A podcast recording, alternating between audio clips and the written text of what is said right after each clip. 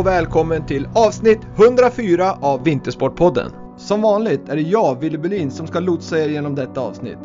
Jag brinner verkligen för att få möjligheten att prata med mina gäster. De har så stor erfarenhet och kunskap att dela med sig av, vilket ger mig ett rus av lycka och välmående. Att få möjligheten att genom Vintersportpodden dela med mig av mitt och gästernas samtal till er som lyssnar ger mig energi. Stort tack till gästerna och såklart till alla er lyssnare. Jag vill också påminna er att prenumerera på Vintersportpodden där poddar finns för att inte missa när jag släpper nya avsnitt. Prenumerationen är naturligtvis kostnadsfri. Jag vill också att ni följer Vintersportpodden på Instagram eller blir vän med Vintersportpodden på Facebook för att inte missa information om gästerna och vad jag håller på med. Detta avsnitt är i samarbete med Brooks som grundades 1914 och är skoföretaget som är helt fokuserade på löpning. Hösten är här och mörkret faller. Kitta upp er med Brooks Visible-serien. Det gör er synliga samt att kollektionen är av högsta kvalitet och funktion. Jag införskaffade ett par nya Brooks Glycerin 20 inför höstsäsongen, vilket jag varmt kan rekommendera. En bra mängdsko med bra dämpning som passar mig absolut perfekt. Brooks, de har skor som passar olika löpstilar och för olika ändamål. Run Happy med Brooks, The Running Company. Och Silva, som är ett svenskt företag med mer än 85 års erfarenhet av att utveckla och designa pannlampor och kompasser. Silva, de uppfann både pannlampan och kompassen och har sedan dess varit ledande i utvecklingen och har marknadens absolut bästa produkter. För mig har träningsupplevelsen totalt förändrats sedan jag införskaffade en pannlampa från Silva. Nu kan jag träna när, var och hur jag vill, vilket gör att jag inte på något vis påverkas av höstens mörker. För mer information om produkterna besök www.silva.se och signar ni upp er för Silvas nyhetsbrev, ja då får ni 15% rabatt på ert nästa köp. Turn night into day med Silva. Och Madsus Skis. Madsus har funnits sedan 1906 i Norge. Madsus har alla produkter för en skön, givande och rolig längdtur för alla nivåer. Jag har haft förmånen att testa Redline-serien, vilket har varit en upplevelse utöver det vanliga. Delar ni passionen och viljan att ha en skön upplevelse i längdspåret med Madsus? Ja, besök då www.madsus.com och få mer information om produkterna och vad ni ska införskaffa inför stundande vinter. Innovativ längdskidåkning sedan 1906. Madsus gets you there.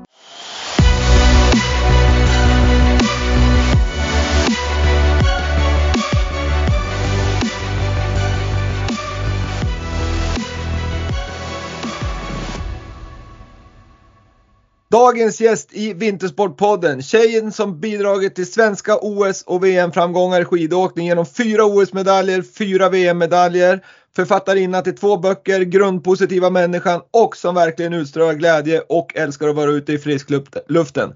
Varmt välkommen till Vintersportpodden, Anna Jönsson Haag. Vilket intro, tack för det! Ja, men det det, jag, jag hoppas ju, att det stämmer ganska bra. Det är i alla fall min bild av det att du är en otroligt, om jag får säga grundpositiv människa som jag verkligen tycker utstrålar glädje och energi i det jag ser. Ja, men jag, är, jag brukar säga att jag är grundlycklig. Alltså det är mitt, eh, det är mitt normaltillstånd. Att jag är rätt lycklig över, över livet, över vardagen, över det jag gör. Men sen ska jag säga att jag har ett, Eh, jag har ett jäkla humör också som, som behöver pysa ut emellanåt. Men i grunden är jag en lycklig människa och det, det vill jag fortsätta vara. Och jag tror att det, det är där någonstans, dels så kan jag känna en viss liksom att jag blir lite glad också att höra att du kan vara arg för det är liksom, man ser verkligen att det är en positiv tjej men, men, men jag, jag, tycker om det du säger att du är grundlycklig att för någonstans är man det i grund och botten då, då är det klart som fasiken att varje dag är ju som inte glass och ballonger utan det, det svänger ju upp och ner så att Ja, så att, alltså livet, livet är ju livet är ju utmanande. Eh, mm. Sen tror jag det handlar liksom om vilken inställning man har till det man eh, ställs inför helt enkelt. Ja, absolut. Ja. Men du Anna, innan vi går in på lite frågor här, hur, hur är det med dig nu? Du har ju haft lite sjukdom här har, jag, har vi både i våran planering inför det här förstått och så sen har jag ju sett det på, på sociala medier. Hur är det med dig nu? Jo, men det är bra. Jag har verkligen fått... Eh, jag tror jag fick alla virus som florerade på förskolan. Jag var där en, en förmiddag när vi skolade in yngsta. Mm. Eh, och det tog ut sin rätt. Jag har haft eh, liksom förhöjd kroppstemperatur och feber i nästan två veckor. Eh, så jag tror inte jag har varit så dålig eh, sedan jag typ hade körtelfeber som 15-åring. Men nu, nu, ser jag, nu ser jag ljus på framtiden. Febern är över, all, de flesta symptomen är liksom borta. Nu låter jag bara lite nasal, hör jag mig själv. Men nej, det är bra. Alltså det, det har varit lite mycket senaste halvåret, men nu med båda kidsen på förskola, jag har lite struktur i vardagen, det är en säsong som närmar sig, så känner jag den här, den här positiva rastlösheten som brukar infinna sig den här årstiden för att det närmar sig att få dra på sig nummerlappen igen, säger jag nu när jag la min elitkarriär på hyllan för fyra år sedan. Men jag har fortfarande den feelingen. Ja, men och, och det, vi ska komma in närmare lite grann på naturligtvis din karriär och, och, och vad du pysslar nu med, med långloppen i, i kaffebryggeriet, Team Kaffebryggeriet.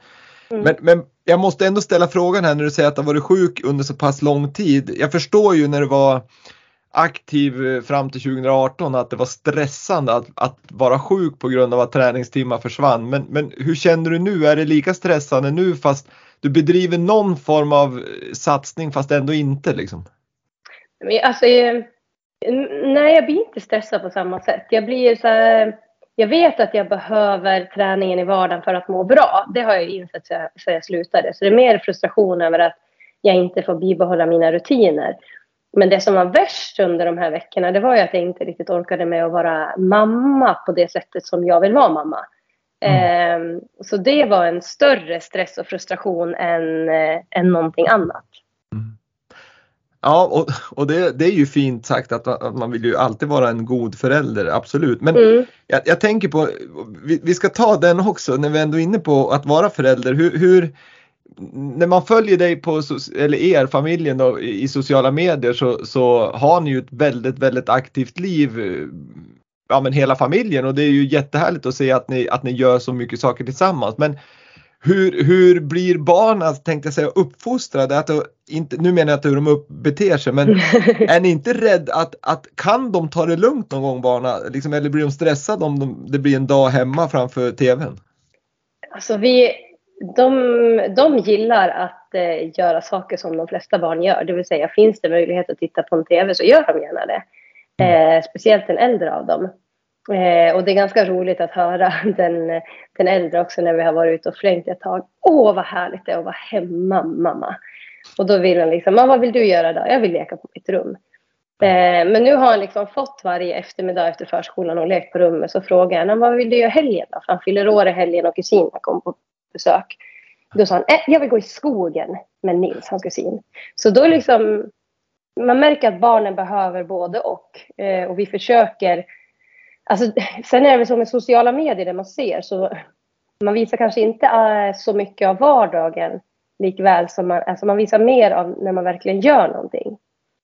Och det, det är ju en balansgång. Jag försöker tänka på det att visa så här ser en vardag ut också. Det är liksom inte äventyr varje dag. Men sen försöker vi vara duktiga på att faktiskt hitta på saker med barnen för att ja, helt, helt enkelt få dem att göra lite mer saker än att fastna framför en skärm eller liknande. Så att, eh, vi försöker ha en variation, men sociala medier är ju farligt på det sättet att det eh, kan bli lite för mycket av, av en sak för att det är det man visar. Eh, så det är en balansgång.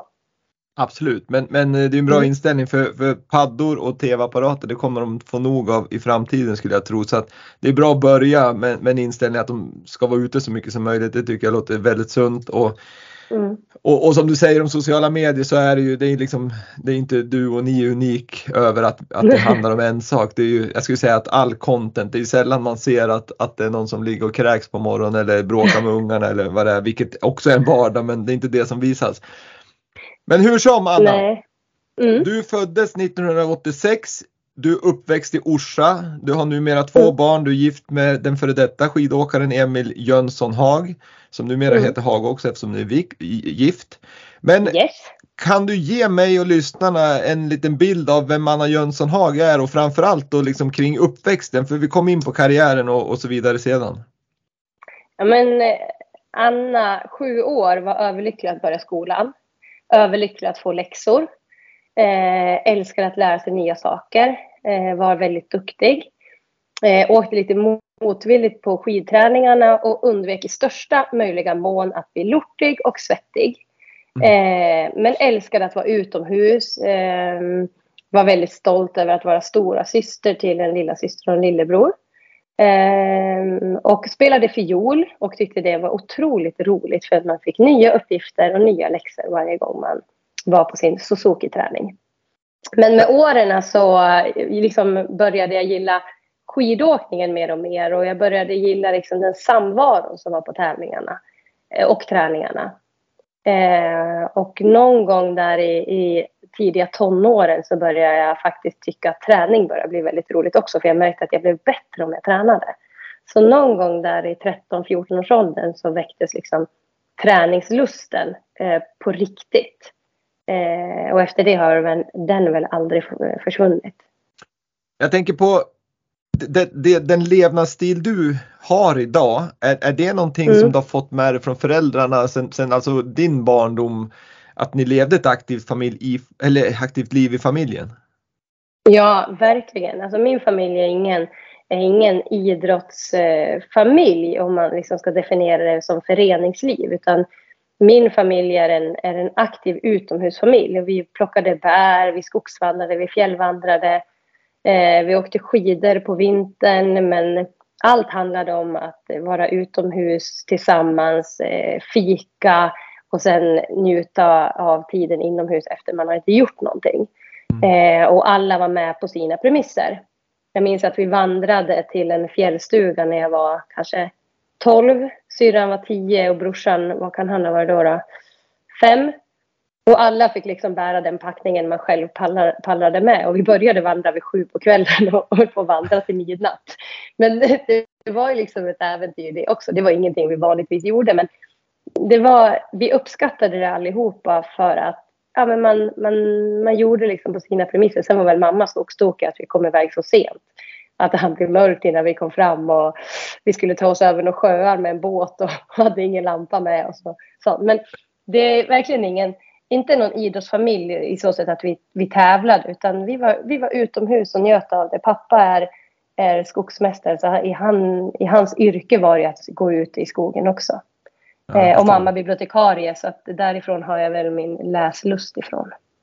Och jag ser även nu att de brukar vara ute med, med er familj, vilket de ser ju pigg och fräsch ut även nu. Ja, gud. Alltså mina föräldrar är otroligt pigga och fräscha. Så det är, eh, det är kul. Min pappa råkade ut för en eh, akut sjukdomsfall för exakt tre år sedan eh, idag. Eh, där han lyfte en bastudörr för han var så envis, han skulle inte ta hjälp. Utan han, han lyfte den själv och i samband med att han gjorde det så brast hans aorta. Eh, men, men han förstod inte det. Utan det dröjde en hjärtinfarkt, en ballongsprängning som inte slutade blöda och en akut resa till Akademiska i Uppsala. Och det här var väl allt på fem dagar eh, innan man förstod att aortan hade brustit och han fick genomgå en tio timmar lång operation där vi inte visste vem det, vem, vem det skulle vara som kom ut efter operationen eller om han ens skulle överleva. Så han började ju liksom om från scratch för tre år sedan eh, med allt. Och nu är han tillbaka och hugger i skogen som, som aldrig förr. Så det, är, det är också en otroligt stor motivation och drivkraft att se att man, eh, han var ju då 62 när det hände. Och se att man kan ta sig tillbaka så. För han sa det själv efteråt, eller ganska direkt efteråt, att det fanns inte någonting annat än att han skulle ta sig tillbaka. Eh, och han har ju också den här positiva livssynen som jag har. Eh, så att det, det finns liksom med det här att man ska ta hand om sig själv. För hade han inte varit i god kondition så hade han ju aldrig klarat det.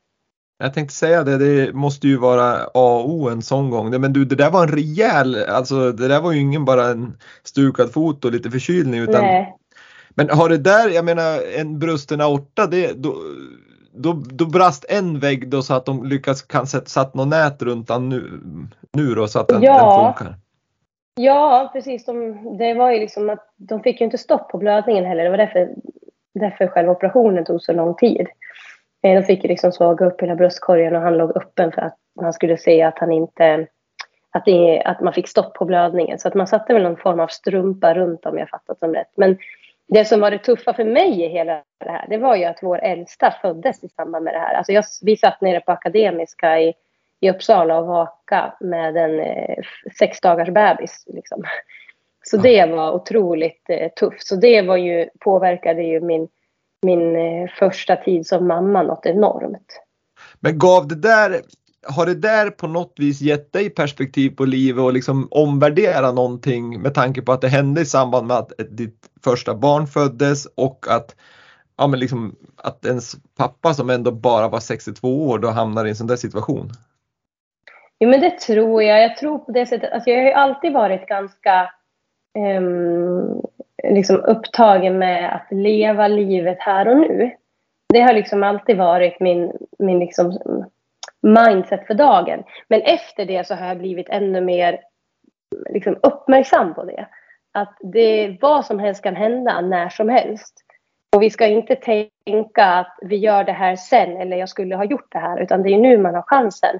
Sen ska inte det gå till överdrift. Att man ska liksom, jag måste sälja allt och resa jorden runt. För det har jag tänkt göra. Men att man helt enkelt ser det fina i, i de, de situationerna man, man hamnar i. Och, och lite tror jag därför också att jag valde att ta mig tillbaka till, till skidspåren på det sättet jag gör det idag. För jag har alltid älskat att ha min familj med mig när jag tävlar.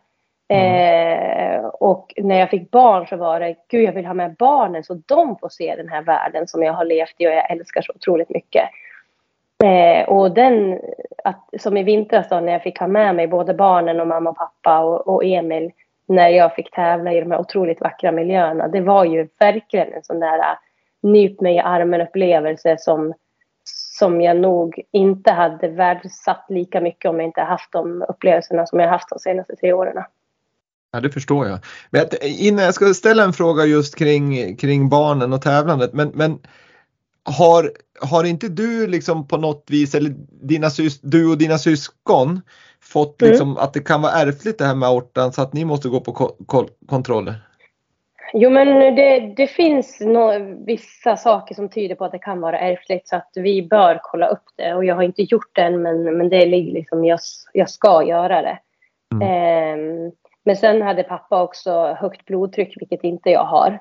Ehm, så det finns lite andra saker som, som gör att det är mer troligt, eh, alltså högre risk. Det var ju såklart högre risk än att pappa fick det då, men jag ligger inte i samma riskzon. Men det är klart, det är ingenting man ska negligera eller liksom för länge. Nej, verkligen inte. Nej. Det jag skulle komma till vad det gäller barnen och tävlandet så, så har jag lyssnat på något annat samtal du har haft och, och då, då var det just det här med att du hade med dig barnen och hur, hur kan man liksom fokusera både på tävla för det är ju liksom inte KM bara i, i Orsa ni körde utan det är ju ändå långloppscupen i världscupen. Och så ska man fokusera på det och, och teamet man är med i och så samtidigt ska man ha barnen med sig som kanske inte förstår att nu ska mamma åka långloppsvärldscupen utan de ser det ju som att de ska köra Bamses, liksom, eh, Bamses skidskola, om, typ så. Hur, Mm. hur, hur kan du fokusera? Är du duktig på att stänga av och, och, eh, eller hur hanterar du det? är jag grym på att stänga av. Alltså det, Ja, det är är en det. där, ja, det är en sån där egenskap jag har som jag ibland skrämmer mig själv. För att jag, jag kan verkligen stänga av. Eh, jag har en switch-knapp som är helt fantastisk. Men sen är det också det att jag vill inte gå in i bubblan och fokusera riktigt på samma sätt som jag gjorde förr. Eh, jag har barnen med för att jag vill bli störd i bubblan. Jag vill ta det mer lättsamt. Eh, jag vill korsa mållinjen och bli, få en blöt snorig puss eh, oavsett hur det går och gå och till en lekpark efteråt och sen äta en kaosartad middag på kvällen med vin och pizza. Så att det finns ju liksom det finns ju, eh, vad ska man säga, en genomtänkt tanke med, med hela konceptet också. Ja, ja men mm. det, det, det, låter sunt och mm. men det är en styrka där att kunna stänga av för det tror jag är ett sätt att, att hantera ett föräldraskap också att ibland måste man kunna stänga av för det är ju allmän kaos ganska ofta. Så att, um... Ja, men och det är ju lite skillnad på mitt och Emils föräldraskap kan jag säga för att han kan inte stänga av. Mm. Eh, så han kan bli helt brydd på mig. Han bara, men hur kan du fortsätta hålla på med det du gör när du har liksom ett barn som drar dig i, i liksom, går mellan dina ben medan du går runt i köket och bara typ gnällskriker. Jag bara, ja men jag kan inte göra någonting åt det nu så det är bara att stänga av. Och han blir liksom paralyserad och bara vill ju enbart fokusera på barnet. Och då säger jag, men jag skulle aldrig få någonting gjort om jag bara skulle liksom ja, lyssna på barnen i de situationerna. Eh, sen kan ju det låta hårt, det är inte så att jag ignorerar mina barns känslor men, men jag, är, eh, jag är nog mycket, mycket mer krass än vad, vad Emil är i alla fall. Ja, och det skulle jag säga är en riktigt bra egenskap du har och besitter. Den ska du fortsätta med, det tror jag du kommer mm. må bra av. Mm. Men du, din personlighet, vi har varit inne på det där med att du är liksom grundlycklig och, och, och du, vi har pratat om att du försöker leva liksom här och nu på, på, på det sätt som det är möjligt. Eh, mm. hur är det liksom, någonting måste ju, för jag vet att, att jag har läst i någon artikel att både du och Emil har ju ganska hett humör och att du liksom blir någonting fel så kan du bli riktigt arg. Och vad är det mm. som gör dig riktigt arg Anna? Alltså om man ska ta en liksom, big picture så är orättvisor, eller när det inte är rättvist, det gör mig skogstokig. Eh, jag är ingen som kämpar liksom för jämlikhet till, till idioti, utan jag tycker saker och ting ska vara rättvist. Är du mer kompetent än någon annan, ja men då ska du också få den uppskattning eller betalning eller vad det nu är eh, för det du gör oavsett kön. Liksom. Mm. Det, är, det är liksom the big picture. Men sen kan det vara liksom om jag, jag är ganska klumpig av mig. Jag går ofta in i saker. Alltså jag vet inte hur många gånger jag har blåmärken på smalbenen för att jag inte ser att diskmaskinen är öppen. Och det kan jag liksom bara få så här, ja, men utbrott som pågår i så fem sekunder för att jag blir så förbannad för att det gjorde så fruktansvärt ont. Eller om barnen springer åt olika håll och jag har liksom är alldeles för sen så kan, jag också bara, kan det också liksom bara brista och sen efteråt tänker man bara nej, varför höll jag inte ihop det här? Så det kan, där liksom, det, där är jag identisk med min kära far. Eh, det kan bli, låta väldigt mycket när det blir sådana här fjantiga motgångar i vardagen. Men, men det, är ändå, eh. det, det, är ändå här och nu bara, det är inte lång, långsiktigt? Nej. Nej, jag är inte så långsiktig, men jag är också en sån som hatar konflikter. Mm. Så jag viker ju hellre undan än att liksom ta tag i, i saker för att jag, jag ogillar skarpt människors dåliga mående. Jag vill liksom att alla ska vara, må bra runt mig. Eh, så det kan ju ibland bli på min egen bekostnad. Men, men hellre det... att folk, folk runt mig är lyckliga och glada än att jag ska behöva ta en fight. Men vilken, det är ju en fin egenskap att, att man vill att medmänniskor, medmänniskorna ska vara glada men, men det kan ju som sagt vara på, bli på sin egen bekostnad ibland om, man, om, man, om det blir för mycket. Och där, och där tänker jag liksom grann, lite grann på din personlighet som vi pratat om att du är just glad och kan du känna ibland att omgivningen förväntas att du ska alltid vara den här glada, du ska vara positiv, du ska vara den här som tjoar och kimmar och drar upp en hel grupp från att vara låg till att vara hög, tänkte jag säga hög i positiv bemärkelse. Kan det vara jobbigt ibland liksom att du känner att fasiken, jag vill inte vara den här personen som ska göra det här jobbet? Alltså, där har jag nog, alltså i och med att jag är ganska duktig på att stänga av och jag är ganska så här, eh, jag är också ganska noga med att jag själv ska må bra. Bryr jag mig inte så jätteofta om en stor grupp, att jag ska vara ansvarig för att den mår bra. Um, jag känner liksom inte det ansvaret så. Det, nu säger jag kanske lite emot mig själv. Men um, det är mer så om jag är med min familj att då vill jag att alla ska gå bra och då kan jag liksom lägga mina egna känslor helt åt sidan för att de ska må bra. Mm. Men kommer jag till en stor grupp så Alltså på ett sätt så jag är jag nog ganska krass där också. Att jag utsätter mig inte för den situationen om jag inte är redo för det. Eh, för jag, jag är mig själv i de flesta situationerna. Så mm, har jag en dålig dag så ja, men då är jag kanske inte riktigt så sprudlande. Samtidigt så vet jag att om jag bara är lite sprudlande så blir jag också på bättre humör själv. Eh, så eh, det brukar ge sig självt ändå på något sätt. Nej, men du, du, förstår vad jag menar, liksom en komiker mm. som, ja. som kom in i ett rum förväntar sig alla nu ja. blir det underhållning och så sen sitter ja. den och tittar ner i bordet liksom. Då, vad, vad händer nu då liksom? Ja, nej men, men, eh, men sen så har, ska man väl kanske säga att de senaste åren på grund av pandemin så har man heller inte varit i så många sammanhang där man förväntas eh, vara på ett visst sätt eh, eller så. Så att eh, jag känner mig lite distanserad från det, att ha lite svårt att sätta mig in i hur det skulle vara idag. Eh, det, framtiden får utvisa om jag tycker att det är utmanande eller inte. Ja, men precis. Men du, som barn då, höll du på med, du var inne på att ni var mer en utefamilj än att vara liksom idrottsnördfamilj, men, men höll du på med någonting mer än skidåkning? Eh, jag åkte lite alpin som barn därför att jag var med i Friluftsfrämjandet och sen då blev det också, pappa var lite engagerad i alpina klubben hemma.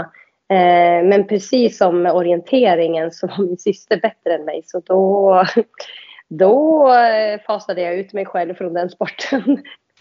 eh, och syrran min, hon är ingen tävlingsmänniska överhuvudtaget. Så hon liksom fattade inte grejen varför inte jag höll på med, med det vidare.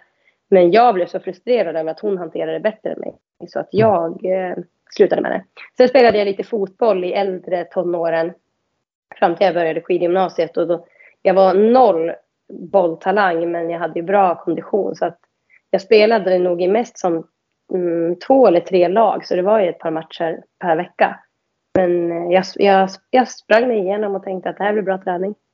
Mm. Men, ja. men, jag tänkte på det du sa tidigare att du gillar inte att vara smutsig och inte bli Nej. svettig där när du var liten och så mm. väljer man skidåkning, längdskidåkning. Då tänker jag att det var nog inte rätt val. Men vad var det som gjorde att du lockas ändå över till längdskidåkningen? Ja, men jag tror att, alltså för mig var ju skidåkningen de här familjeutflykterna på helgerna.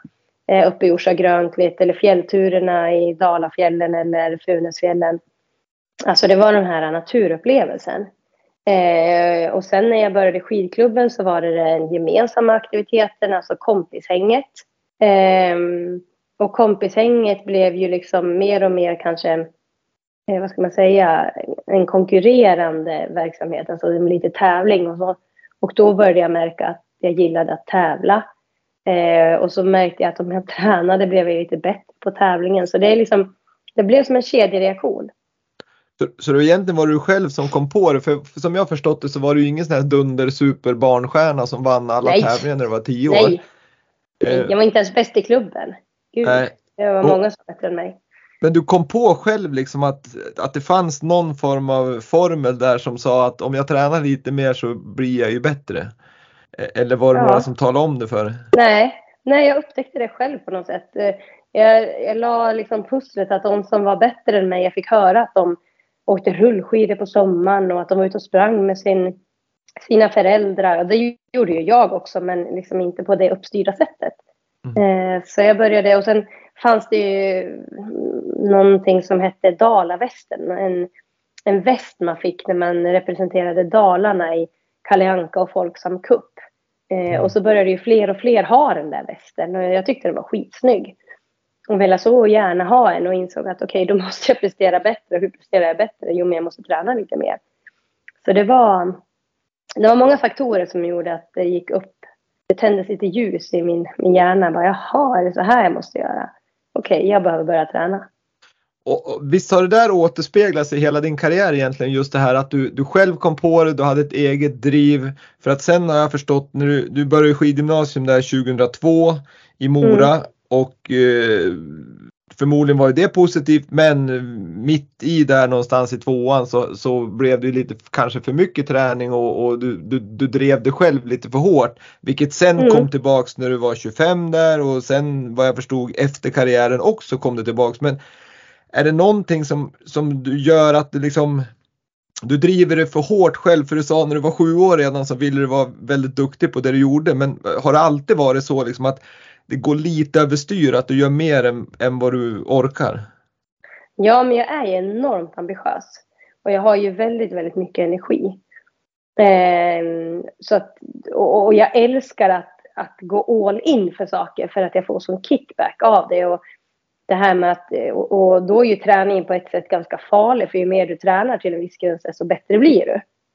Eh, och där under skidgymnasiet så var det ju både jag ville vara duktig i skolan och jag ville vara bra på träningspassen. Så att det, det blev liksom lite för mycket av allt. Men jag hade fantastiska lärare som liksom stoppade mig. Jag la upp skolan på, tre, på fyra istället för tre år.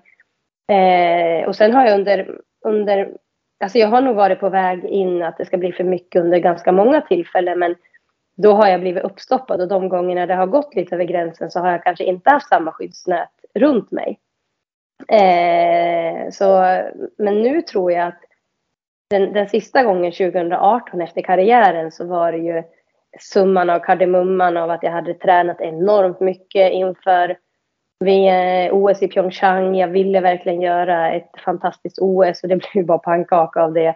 Det var jättemycket vi, i privatlivet. Vi gifte oss, vi reste, vi slutade med vår elitkarriär. Men den, den, liksom, den smällen har format mig till den jag är idag. Och jag kan i perioder vara alldeles för ambitiös och göra alldeles för mycket även idag. Men det finns mycket, mycket tidigare varningssignaler nu och på något sätt har barnen också gjort att man, man inser att, eller jag märker väldigt tydligt på mig själv när det är för mycket när jag är tillsammans med dem. För orkar jag inte vara närvarande och leka med dem, då har jag liksom, men då är det för mycket. Då får man bromsa på något, på något plan. Mm. Så jag är ganska tacksam över jag tycker det är kul att jag är på det sättet jag är, för jag vill leva så. Eh, men jag är också tacksam för de, de smällarna jag gått på, för det har format mig till den jag är idag. Och det, det har lärt mig väldigt mycket och jag tror jag kommer nytta av det resten av livet. Ja, för, för det där är ju typiskt när man är jag ska inte säga, ja, men när man är uppe i sin karriär, man är extremt driven och, och, och, man har kommit på den här formen att, att ju mer jag tränar desto bättre går det. Men sen säger du själv att till en viss gräns Mm. Och, och, där är det ju liksom svårt, jag, kan ju, jag har ju själv erfarenhet av att man tränar, men om jag bara tränar lite till Mm. så blir jag ju kanske ännu bättre och då blir jag bättre än, än de, de andra. Och så sen mm. har man den här äh, skadan lite grann eller sjukdomen som är ett tecken på att man har gjort för mycket. Men ja. nu har du, du lärt dig det här men om du skulle backa bandet till när du då var 18 eller när du var inför Pyeongchang där när det gick åt lite för mycket liksom. Du hade mm. folk runt om dig som kanske bromsade men du, du gjorde ju ändå inte som de sa för att du trodde på Nej. ditt eget recept. Vad mm. skulle du liksom tipsa åkare idag som är i samma situation? Vad skulle du säga till dem som så att de inte går på samma mina så att säga? Alltså det är så svårt för att man har ju sån enorm drivkraft i sig. Och man vill ju heller inte ta bort den. Men jag tror det handlar om att hitta personer i sin närhet som man verkligen litar på och som man verkligen jobbar nära eh, under, under en längre tid. Och som man på något sätt litar på att när de säger saker så är det det det gäller. För det är inte, jag tror att, jag ska inte säga att det är omöjligt, men det är väldigt, väldigt svårt att, att liksom lyfta sin blick och vara objektiv. Och jag kan ju nu, alltså jag förstår precis varför jag har hamnat i de situationerna jag har hamnat i. Alltså det är, jag menar, alltså det är så klockrent eh, alldeles, alldeles för mycket.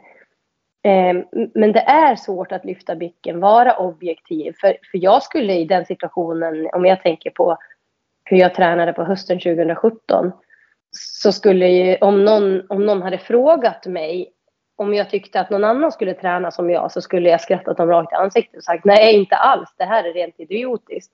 Men jag var så inne i det jag gjorde att jag tyckte att det fanns inget annat sätt för mig att träna på än så som jag tränade.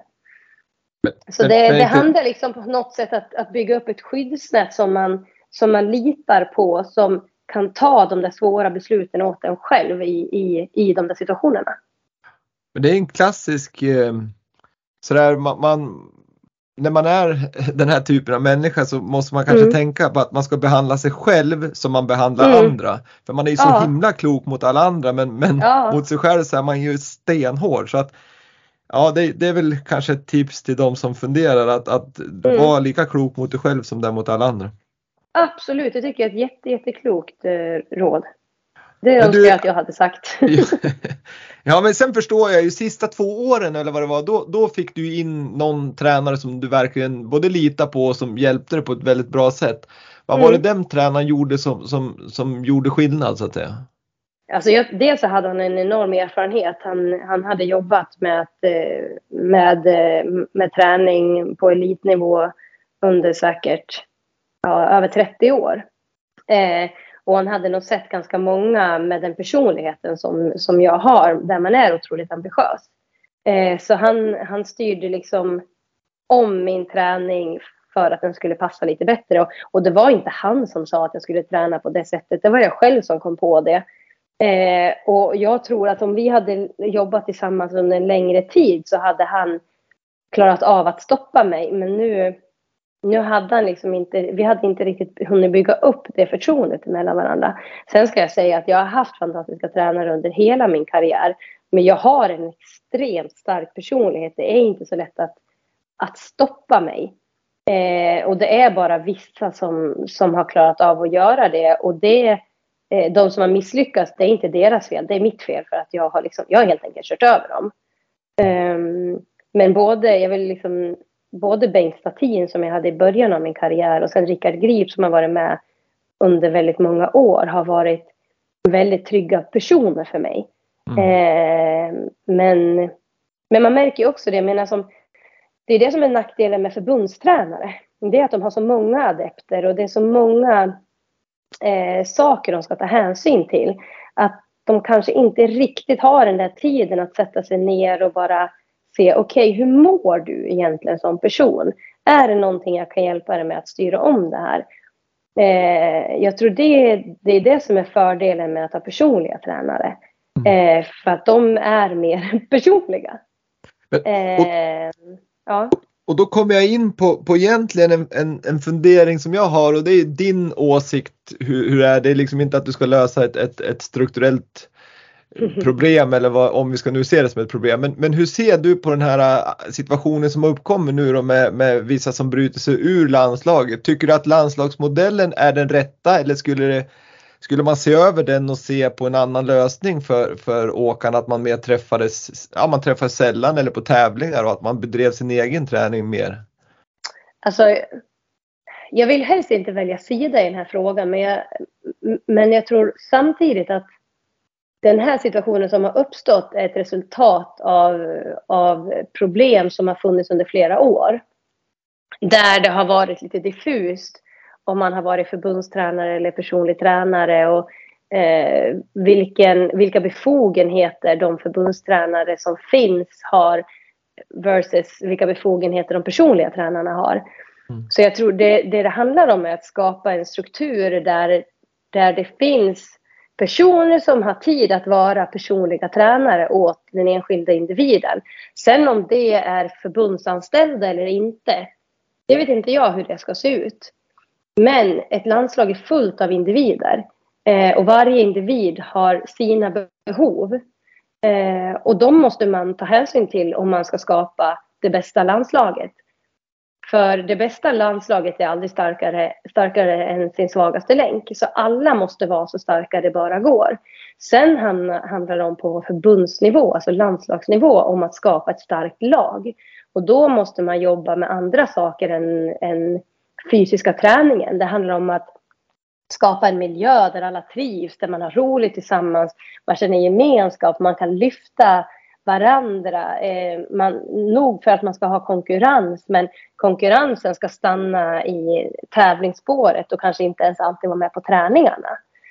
Eh, så att det, det, det handlar om en kultur som har skapats under flera år i landslaget som jag tror man måste se över eh, och helt enkelt modernisera det hela. Ja, det är lite det jag, jag ska inte säga är ute efter, men, men, men jag känner liksom ibland så kan strukturer, oavsett om det är ett arbete i näringslivet eller om det är ett förbund eller om det är en förening, så, så är det lätt att strukturer ligger kvar av gammal, liksom, ja, men gammal vana och så glömmer man bort mm. och, och, och, lyfta blicken och se framåt. Hur, hur, hur ser samhället ut idag och vad, vad, finns det för behov hos varje individ?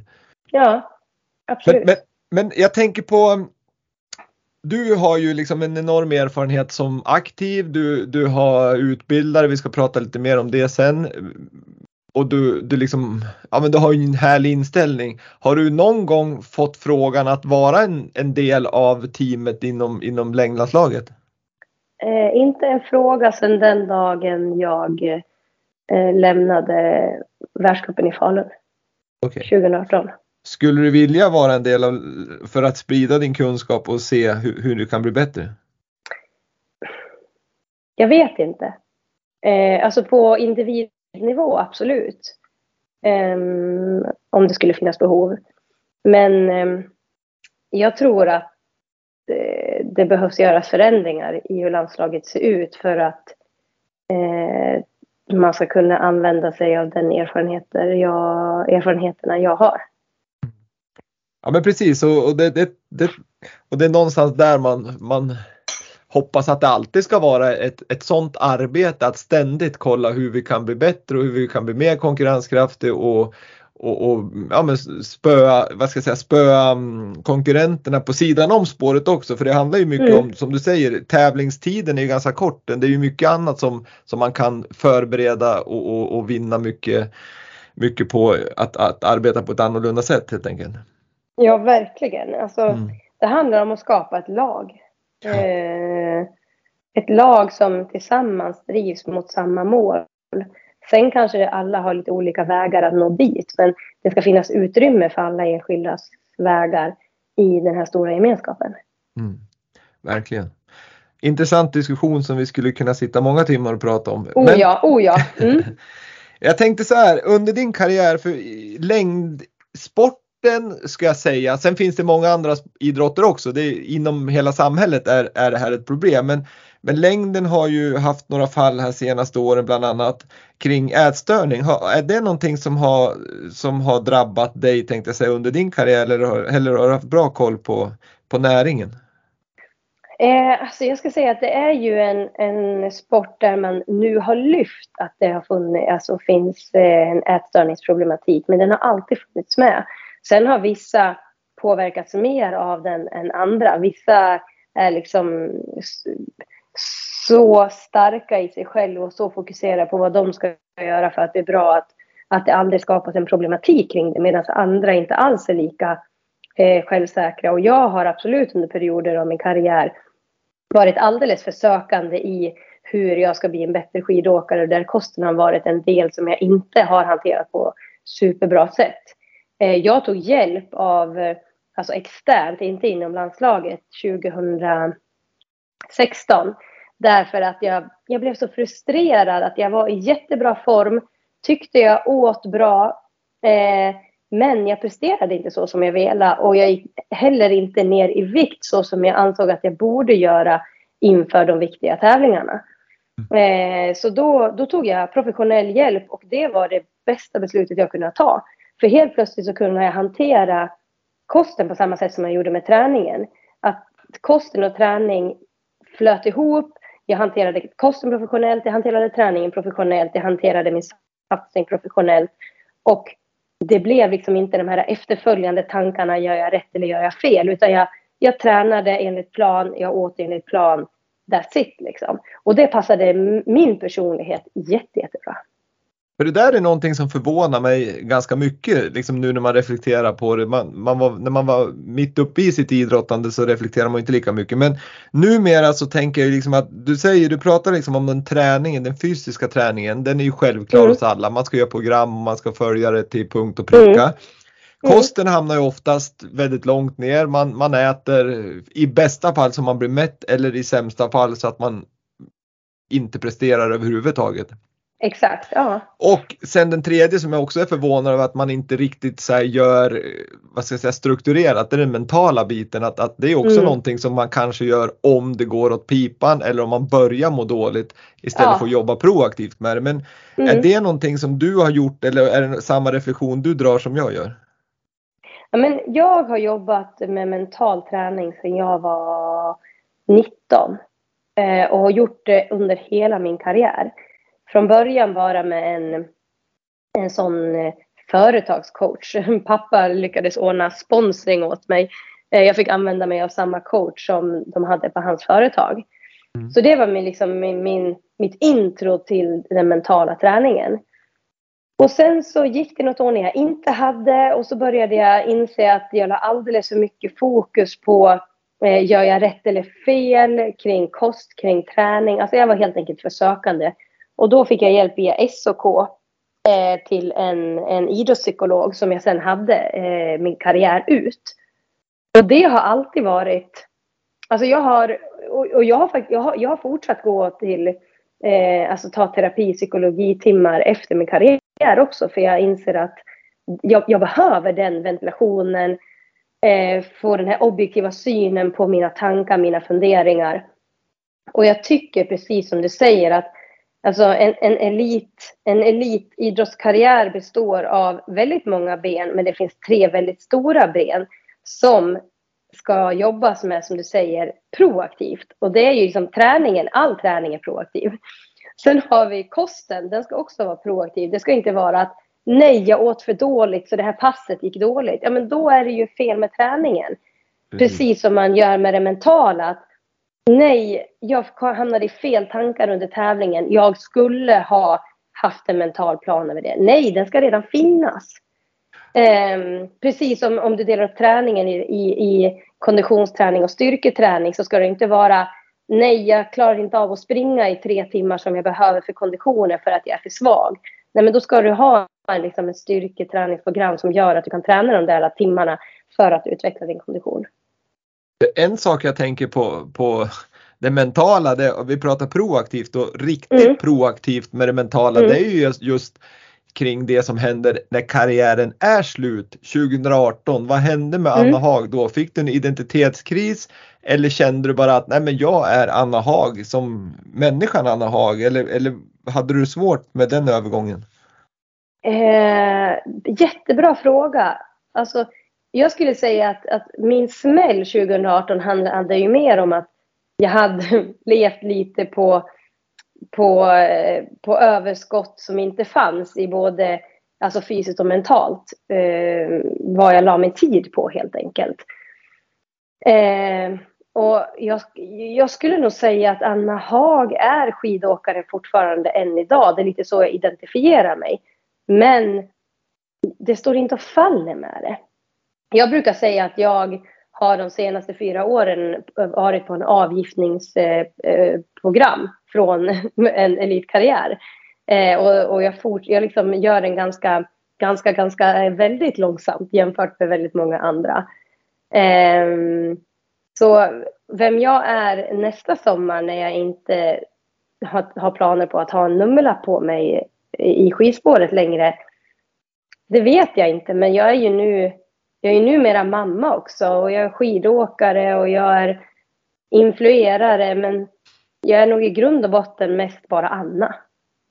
Ja, och, och, ja, men, och det, det, det är ju skönt och det är ju skönt hur du resonerar mm. kring det för då mm. tror jag du ändå är medveten om att att det är ju faktiskt inte bara, man, många säger att men det är väl bara att sluta, ja fast det är inte så himla bara att sluta utan jag tror att det är ganska skönt sätt att resonera på där att du är på avgiftning. Ja, ja. Jo, men, men sen men... så tror jag, jag pratade lite med Charlotte eh, Kalla mm. och just det här att man, det som är den största utmaningen för oss är att vi har ju levt ett extremt inrutat liv under så många år. Alltså det är nästan två decennier. Det är liksom hela ens vuxna liv där man har tagit ansvar för sig själv. Hela den tiden har man levt ett liv som har i princip varje dag haft en helt spikad plan vad du ska göra. Eh, förutom kanske sju dagar på våren. Eh, och, och, det är ju det som är den stora förändringen. Att helt plötsligt inte ha en dagsplan. Du har ingen övergripande plan. Du har inget varför med varför du ställer dig upp på morgonen. Det är ju den som är den stora omställningen.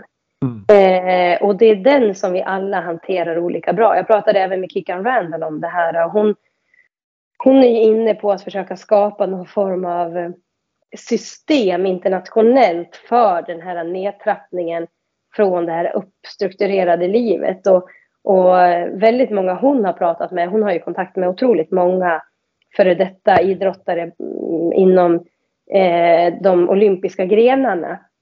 Där väldigt många säger att man, man får någon form av baksmälla inom tre till fyra år efter det att du slutade. Eh, därför att du inte riktigt vet hur ett så kallat vanligt liv ser ut. Vad ska livet innehålla? Vad är anledningen till att man kliver upp och vad är anledningen till att man gör de sakerna man gör när man inte tränar för att bli bäst i världen? Och där, någonstans där då så har du börjat kunna sluta ta Resorb för baksmällan och är, är mm. tillbaks mm. i, i, eller liksom är in i det vanliga på något vis. Även om du kör långlopp för kaffebryggeriet men det är ju på en annan nivå mm. helt enkelt. Ja, ja, jag har liksom ena foten i, i ett vanligt liv med, eh, med förskolelämning, eh, vardagsmat, eh, helger och lov. Mm. Precis som jag har eh, x antal timmar som ska in i träningsdagboken varje dag och jag vill hålla mig frisk för att jag ska kunna prestera. Ja, spännande. Mm. Men du, mm. en, en, snabb fråga här bara. Om, om du skulle sitta här nu och så kommer din mm. bästa vän till dig och så eh, säger hon så här. Anna, kan du rekommendera mig att bli en elitidrottare? Vad skulle du säga då? Ja, ja, utan att tveka. För att det är ett drömliv. Alltså, har du en vision, en dröm om att bli bäst i världen i någonting, att det är det som får dig att gå igång på alla cylindrar så ska man ge det en chans. Alltså jag har fått uppleva så enormt mycket under mina, mina år i, med landslaget i världskuppen. Få uppleva tre OS. Få vara på pre-camps på helt fantastiska ställen. Jag har liksom varit ute på eh, Vancouver Island. Eh, ett ställe jag aldrig hade kommit till annars. Jag har varit i Japan på något ställe, jag vet inte ens vad de heter, och tränat. Jag har eh, fått liksom eh, levt eh, de här mörka vintermånaderna nere i Alperna för att jag har fokuserat mot saker. Jag har fått uppleva hur det är att vara den starkaste versionen av sig själv. Jag har fått pusha mig, jag har fått uppleva glädje, jag har fått uppleva den totala frustrationen över att misslyckas. Jag har fått skapa eh, liksom eh, friends, friendship, alltså vänner, alltså relationer som jag kommer ha med mig livet ut. Det, alltså jag har levt ett drömliv och nu lever jag ett nytt typ av drömliv. Eh, men det livet jag levde tidigare är få förunnat och jag är så lycklig över att jag tog den chansen att få leva det livet. Ja men precis och, och jag, jag håller med dig och, och liksom det man får vara med om som i ditt fall elitidrottare, det är ju otroligt härligt. Däremot så ska man ju komma ihåg att, att ska man göra den här riktiga satsningen, det är därför, därför jag säger skiljer mm. mellan den här långloppsgrejen du gör nu till skillnad mot när du, när du körde, det är ju att, mm. att när man går all in, när du verkligen ska satsa på att bli olympisk mästare, då, då är det liksom, då får inte så himla mycket komma emellan. Inte sjuka barn, inte sjuka kusiner, inte sjuka eh, pojkvänner och Nej. Du, du ska ha ditt mål klockan 12, inte klockan 2. Liksom... Ja. Men det ska jag ju också säga att jag tror att en, en person som jag som har den personligheten med att vara extremt fokuserad, kunna stänga av väldigt mycket för mig har ju en elitkarriär passat perfekt. För det har liksom inte funnits något om eller ifall att. Utan det har varit så här, okej, okay, nej, jag träffar inte familjen den här julen för att jag vill hålla mig frisk. Mm. Liksom förlusten har inte legat hos mig, utan det har legat hos, hos min familj. Vilket ju är hårt att säga, men det är ju så jag har resonerat. Eh, så jag har ju varit den perfekta personligheten för att bli en elitidrottare. Eh, jag har inte tyckt det varit jobbigt att träna. Jag har liksom, eh, visst har jag tänkt tanken på morgonen att åh, det vore så skönt att ligga kvar i sängen eller när man är nere i Alperna och helt slut för att man har tränat så mycket. Tänk om man kunde vara här på semester istället och dricka sitt kaffe utan att behöva veta att man skulle ut igen.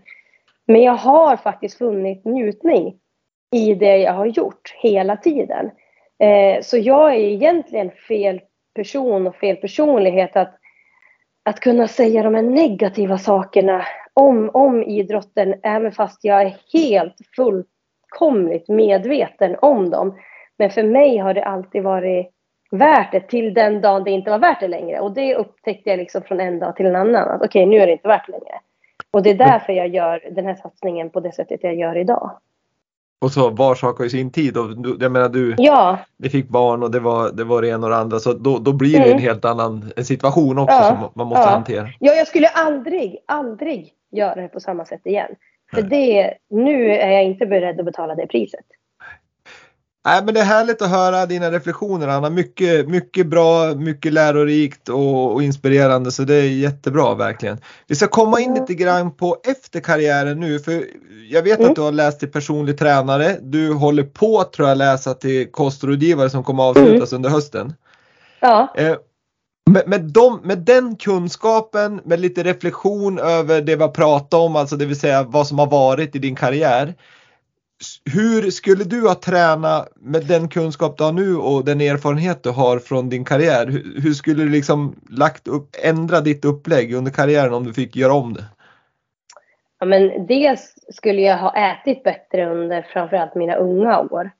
Eh, haft en, liksom en bättre baktanke kring mitt, min kost och aldrig liksom eh, pushat de här passerna med bara vatten och inte tagit återhämtningsdryck och sånt. Och det är ju, jag tror hade jag gjort det på det sättet hade jag hållit mig mer frisk och kunnat träna mer. Sen tror jag att eh, jag hade haft vinning i att, eh, att utnyttja min, min förmåga att vara väldigt stark. Alltså jag behöver bara gå in i gymmet och lyfta lite vikter så kan jag lägga på mig muskler. Mm. Ehm, och jag tror att jag skulle ha utnyttjat det mer än att se det som en nackdel. Att inte stirra mig blind på, på siffrorna på vågen utan istället utnyttja det faktum att ja, men jag kan faktiskt lätt bygga muskler. Sen skulle jag behövt verkligen fokusera mer på att förbättra min snabbhet. Eh, mycket mer, eh, under mycket mer kontrollerade former än vad jag gjorde. Jag gjorde det lite för dåligt skulle jag säga. För, för det, var ju en, Eh. det, det var ju under den tid du åkte ändå, det hände ju mycket där med Ja, Men som, som ung längdåkare så var det ju ganska liksom långsamma, ja men mycket A1-pass och alltså det vill säga Mm. långsamma pass och, och sen under Mm. din karriär så ändras det ju mycket att längdåkare började köra styrka och det var ju eh, sprinten kom mycket mer och så vidare. Mm. Mm, absolut. Och sen så tror jag att jag skulle ha vågat ehm, liksom gå mer all in för de långa loppen som fanns. För att ehm, jag hade en fallenhet för längre tävlingsdistanser. Ehm, men jag tror liksom den stora grejen hade nog varit att jag skulle ha skött min kost bättre. Varit mer medveten eh, kring hur jag skulle äta för att också hålla mig mer frisk och på så sätt kunna ha tränat bättre. Men sen tycker jag en, en del i det jag har läst är också coachning. Eh, det är ju en ganska viktig del när man jobbar som personlig tränare. Och, eh, jag har läser lite mer av det nu.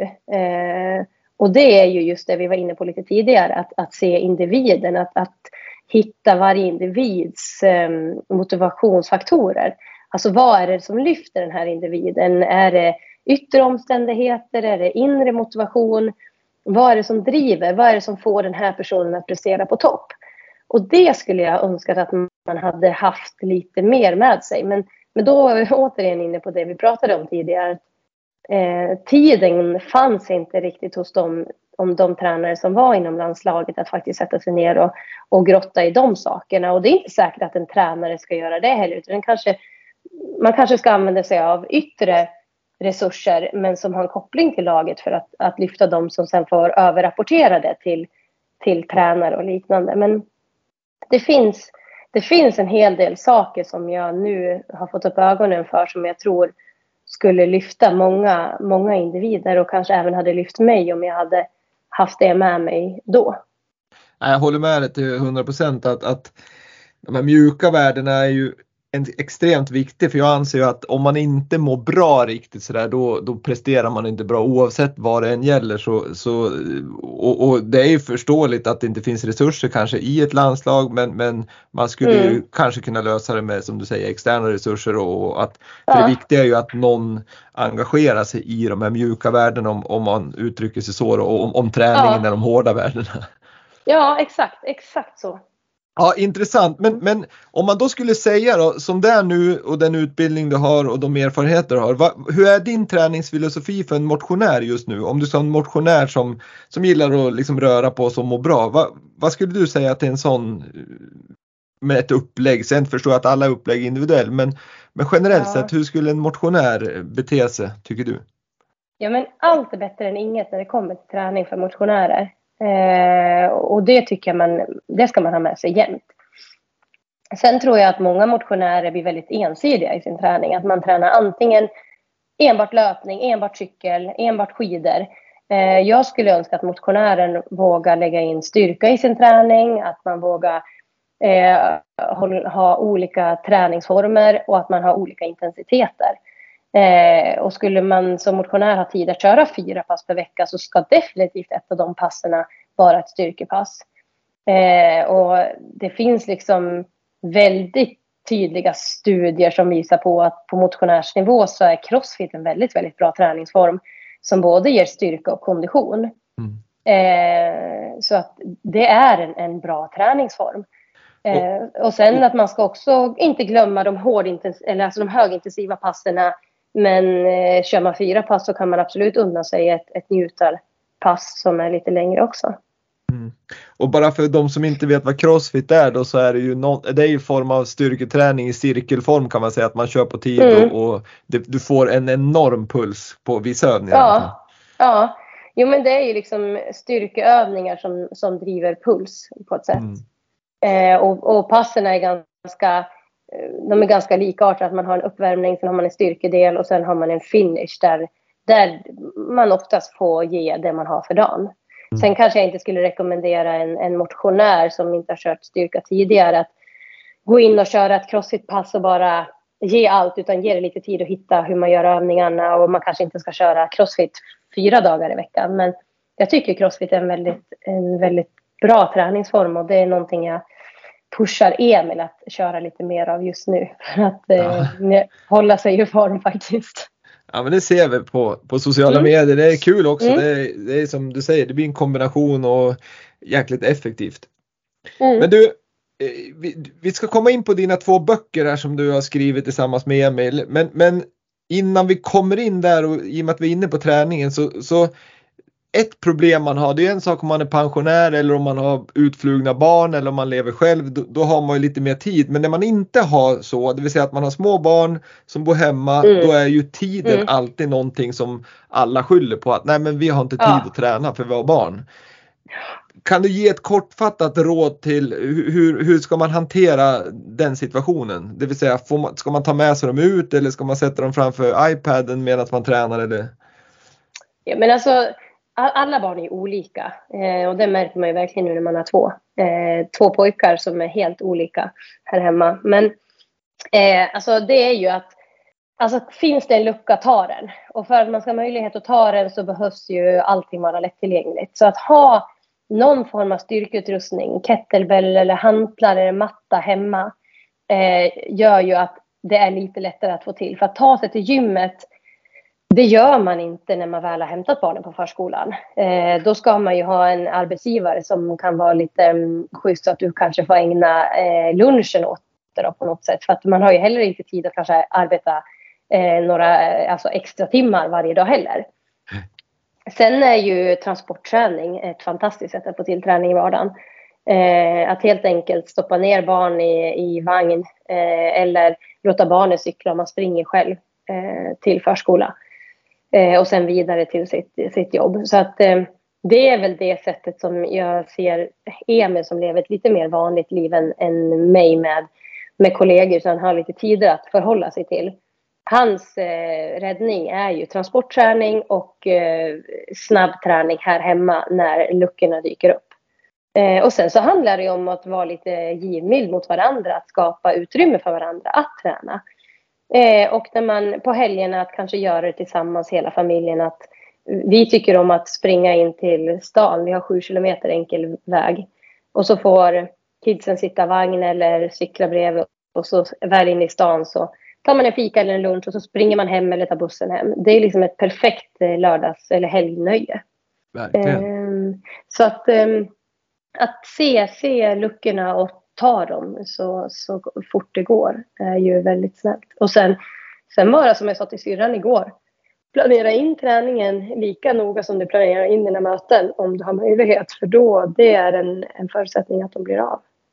Om du har Ja, jag möjlighet. tror att det, det handlar nog bara om att ta tag i det och så enkelheten att man inte krånglar till att man har, man kan göra väldigt mycket med, med, med små medel så att säga och Ja, se till att springskor och vad det nu än är för utrustning du har Ja. finns lättillgänglig så att det inte Mm. blir ett motstånd att du måste gå till ett förråd och hämta och så vidare. Det blir ja nej då blir, det, då blir det inte av. Det, Nej. så ärlig får man vara. Då blir det inte av. Grymt Anna! Du, vi måste Mm. komma in på böckerna här. Ni skrev två böcker, en som heter Ut, en guide till Mm. att njuta av livet utomhus och en som heter Lev, Mm. njut och träna. Det är alltså vår filosofi för en hållbar livsstil. Mm. Hur, hur kom det sig att ni gav, gav er in på att skriva böcker? Är det, har ni drömt om att alltid, eller vara författare eller blev det bara av någon slump? Men jag har alltid skrivit jättemycket. Jag har bloggat sedan 2006 till exempel. Mm. Eh, och har väl tänkt att jag men någon gång ska jag skriva en bok. Och jag har väl någon, några, något utkast för någon roman liggande liksom och skräpar. Och, och sen när jag, så var det väl när jag blev gravid så kände jag att jag fick så himla många sådana här utrop. Men är du gravid? Nu ska du väl ändå dra ner på tempot. Och det gjorde mig så himla frustrerad. Så min första synopsis, eller min första utkast var på faktiskt en, en gravidbok med titeln eh, Åh, är du gravid? Dags att ta det lugnt. Eh, och så liksom visa på motsatsen. Och jag ville prata med kunniga människor som visste allt inom graviditet och träning och intervjua de som har varit gravid hur de hade sin eh, liksom, graviditet. Men, men det, den, den marknaden är väldigt, väldigt liten och väldigt tajt och det finns ett antal gravidböcker redan. Så när vi hade, när jag hade fått tag i ett förlag och liksom lämnat den här um, idén så kom de tillbaka med, men ska inte ni bara ta och skriva en bok om er filosofi på träning? Och så bara gick vi hem och funderade och tänkte, vad då vår filosofi på träning?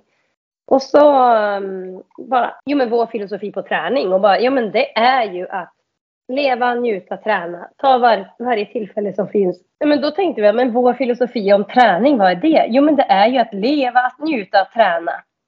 Att unna sig gott efter man har tränat, att njuta av träningsturen. Ja, men hela det här konceptet med att träning är en del av vardagen. Eh, så vi gick tillbaka till förlaget att jo, absolut, vi skriver den här boken.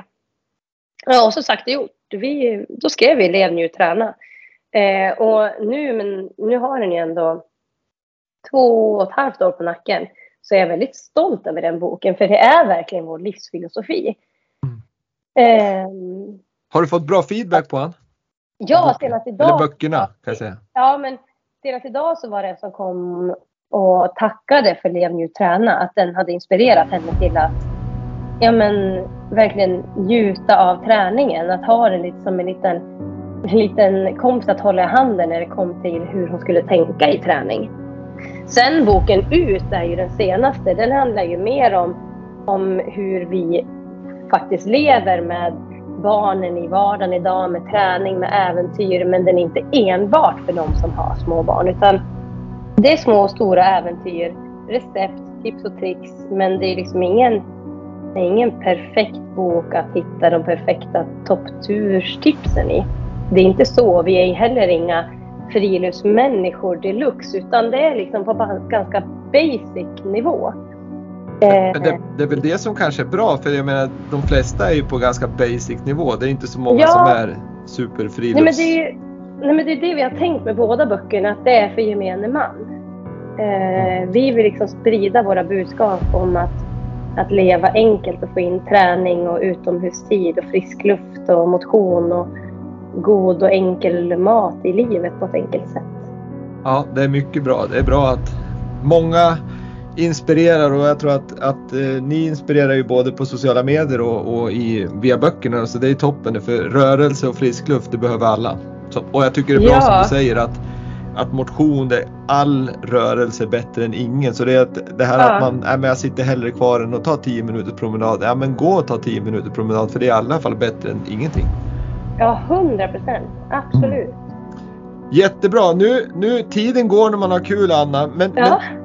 jag, jag, eh, vi ska ta två lyssnarfrågor som du väl kan besvara relativt kort då, för man kan ju Ja. prata om det här länge också. Men, men en lyssnarfråga som är ganska aktuell här det är ju Mästarnas mästare är ju någonting som eh, pågår, eller pågår, men som, som är aktuellt nu och, och vi har fått lite avhopp i form av några skidstjärnor, både på alpint Mm. och längd. Mm. Frågan är varför är inte du med Mästarnas mästare? Jag förstår att man ska ha en fråga, men jag, jag, jag misstänker att du har fått frågan. Men så vi utgår därifrån och så ställer, ställer vi lyssnarfrågan att varför är inte du med i Mästarnas mästare? Det är för att jag är inte bekväm i de formaterna på, på tv-program eller de formaterna av tävlingar. För att jag inte vet vad som förväntas av mig och vad jag ska träna inför. Och jag är faktiskt ganska dålig på allt som inte är skidåkning, löpning, styrketräning. Eh, så jag vill helt enkelt inte utsätta mig för det. Nej, men det blir en liten, ja men alltså att du, du, du är helt enkelt rädd att misslyckas lite grann. Ja, ja, och jag känner mig absolut inte bekväm. Så då blir det så här, de, de ringer ju med jämna mellanrum och frågar och hon skrattar varje gång. eh, Hon som kastar att vad du vill verkligen inte. Jag bara nej, jag, jag vill verkligen inte. Det, det, det, det är utanför min komfortzon alldeles för mycket.